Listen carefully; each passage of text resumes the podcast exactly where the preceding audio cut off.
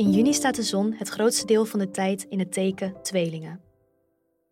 Net als tweelingen is juni een vrolijke en zonnige maand. Daarom antwoord op de vraag: waar wordt jouw zonneteken blij van deze maand? Ook werpen we een blik op de rol van geluksplaneet Jupiter. Het grote vreugdevuur wordt in Leeuw vooral ontstoken als hij of zij creatief kan zijn en iets op de wereld kan zetten wat helemaal zelf bedacht of gemaakt is.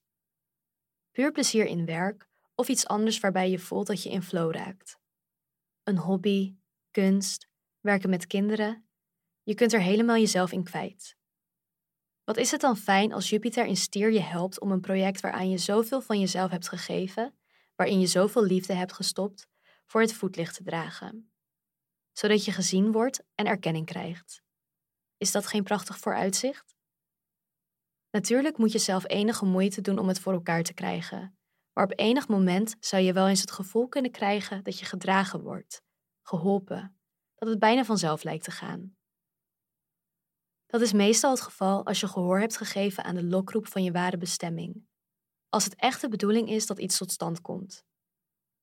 Natuurlijk moeten we soms vechten voor wat we echt willen, maar minstens zo vaak lijkt het alsof het universum de krachten bundelt om je te helpen. En zo'n periode breekt aan in juni. Bedankt voor het luisteren. Wil je je maandhoroscoop nooit meer missen? Vergeet dan niet om je te abonneren op ons kanaal.